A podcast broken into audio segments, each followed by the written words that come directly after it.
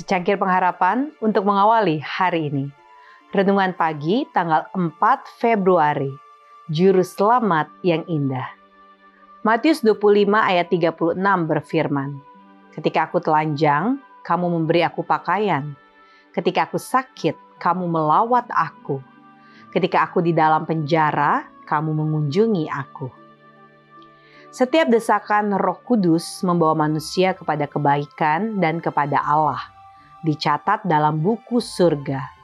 Dan pada hari Allah, setiap orang yang telah menyerahkan dirinya sebagai alat bekerja untuk Roh Kudus akan diizinkan memandang apa yang dihasilkan kehidupannya.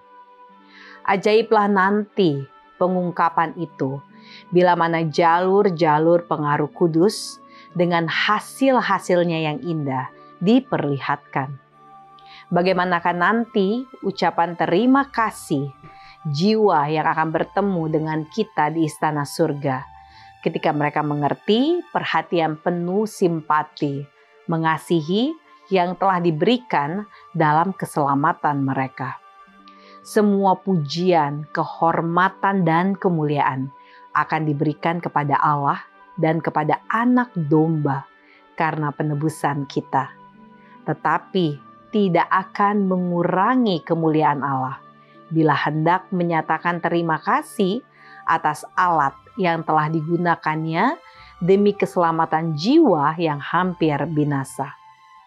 Orang yang ditebus akan bertemu dan mengenal mereka yang telah mendapat perhatian mereka, sehingga membawa mereka kepada Juru Selamat yang ditinggikan. Alangkah bahagianya percakapan yang akan mereka adakan dengan jiwa-jiwa ini. Saya adalah orang berdosa. Begitu akan dikatakan. Tanpa Allah dan tanpa pengharapan di dunia. Dan Anda datang kepada saya. Serta menarik perhatian saya kepada juru selamat yang indah. Sebagai satu-satunya pengharapan saya.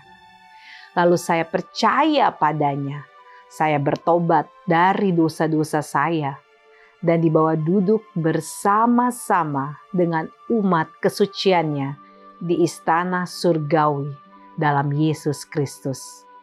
Yang lain akan berkata, "Saya adalah seorang kafir."